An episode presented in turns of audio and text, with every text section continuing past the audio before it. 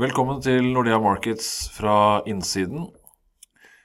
Eh, I dag eh, skal vi snakke litt om eh, Fed, det som kom i forrige uke. Samt litt om norsk økonomi og kronekurs. Ole Håkon Eek Nilsen heter jeg. Med meg har jeg Lars Mauland. Og Lars, det var jo en del spenning knyttet til Jackson Hole-konferansen på torsdag. Hva kom ut av det, egentlig?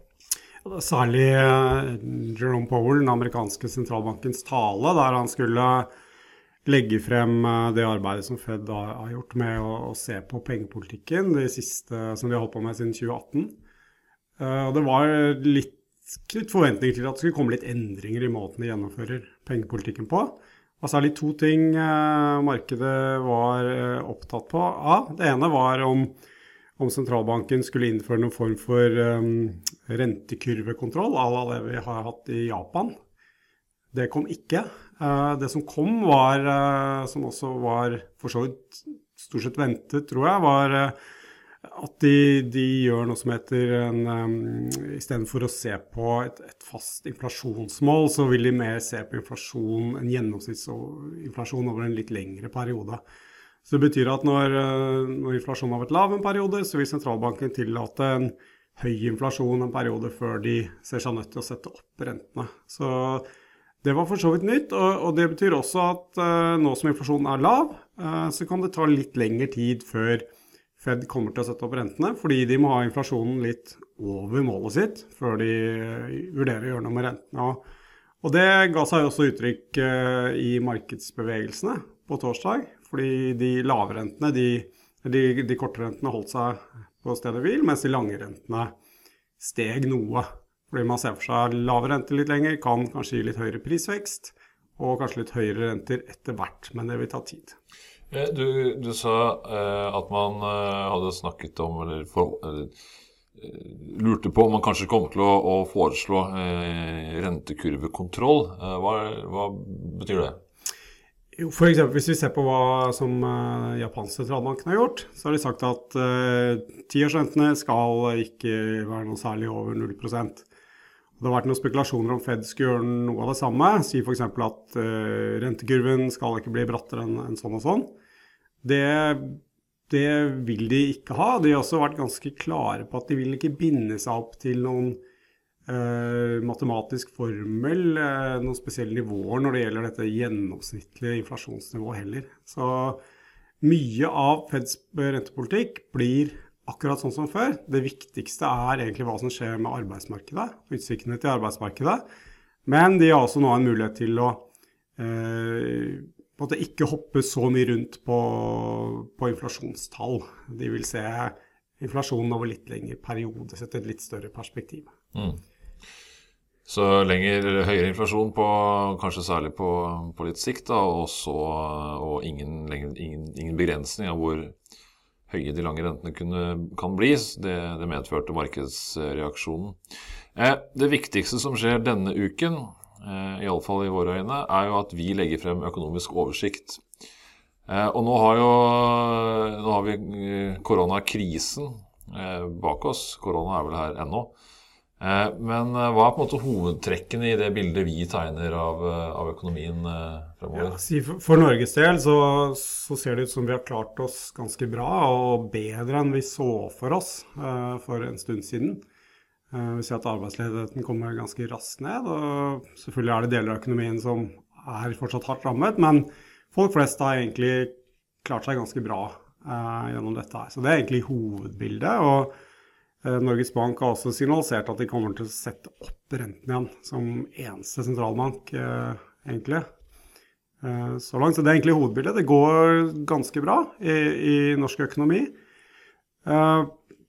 Og vi tror at, at, resten av verden også kommer etter etter hvert, men at det vil ta litt lengre tid. Og det har også noen implikasjoner for oljeprisen på litt sikt. Og vi tror at det vil bli økt etterspørsel etter olje. Når, uh, hvis vi bare ser noen år ned i gata, og så ha en, en, uh, periode nå med ganske lave oljeinvesteringer. Det jo, er ganske viktig for krona, Håkon? Ja, det, det, er det jo. Og vi har sett litt på på disse sammenhengene da, mellom, mellom kronekurs og, og, oljepris og rentedifferanse, som jo tidligere var en veldig sterk sammenheng. Det pleide altså å være sånn at høy oljepris ble til uh, sterk krone, og, og, høy norsk rente sammenlignet med resten av verden også ble til sterk krone. Og så kom jo da den episoden ja, mellom si årene 16 til 18-19, uh, der akkurat det skjedde. Norske renter steg relativt til utlandet, og oljeprisen steg. Men krona styrket seg ikke. Og det er jo det vi, det vi, lurer på nå, da, når vi nå ser fremover og, og, ser for oss at kanskje det kan skje igjen. Altså vi kan få høyere oljepris og høyere renter. Vil vi da få eh, sterk krone denne gangen? Eller, eh, eller, den, eller, er den på en måte varig skadet, sånn som enkelte hevder? Eh, og det vi vel egentlig har, eh, har funnet noen eh, tegn til, iallfall, er at markedets prising av forventede oljeinntekter relativt til andre inntekter er dårligere nå eh, enn før. Eksempelvis eh, ser man på oljeaksjer knyttet sammenlignet med andre aksjer, så er verdsettelsen av de langt lavere eh, enn den pleier å være til den oljeprisen vi har i dag. Så Det tyder kanskje på at, eh, at markedet har inntatt en holdning knyttet til eh, oljeaktiva, som man godt kan si at Norge er, som er annerledes enn den har vært før. Altså at vi nå ser mer negativt på fremtidige oljeinntekter enn vi gjorde før. Til dels uavhengig av dagens oljepris. Og det, det her kan jo godt ha påvirket kronekursen på samme måte. Altså Det er ikke fordi oljeaksjene er lite verdt at krona eh, svekker seg, men fordi man har det samme syn på begge deler. At man kan ha fått svakere krone. Og den trenden her ble særlig sterk da i årene si 16 til, eh, til 19. Og det, det, tror vi kanskje kan ha preget kronekursen i den perioden.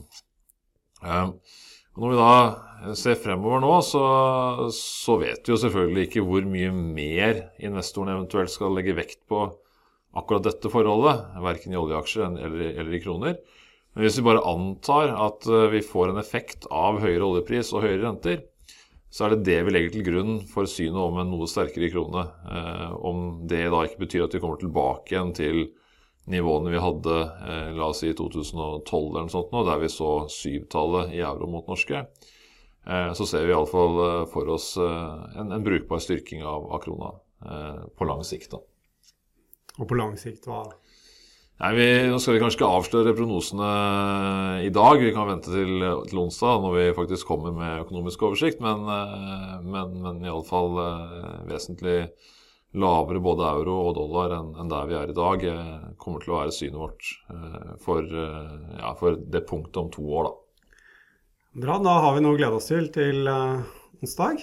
Så er det bare å tune inn da. Da blir det også webinar som går an å følge med på. Ja. Så med det takker vi for oss. Du har hørt fra innsiden Nordea Markets, Lars Mauland og Ole Håkon Eek Nilsen.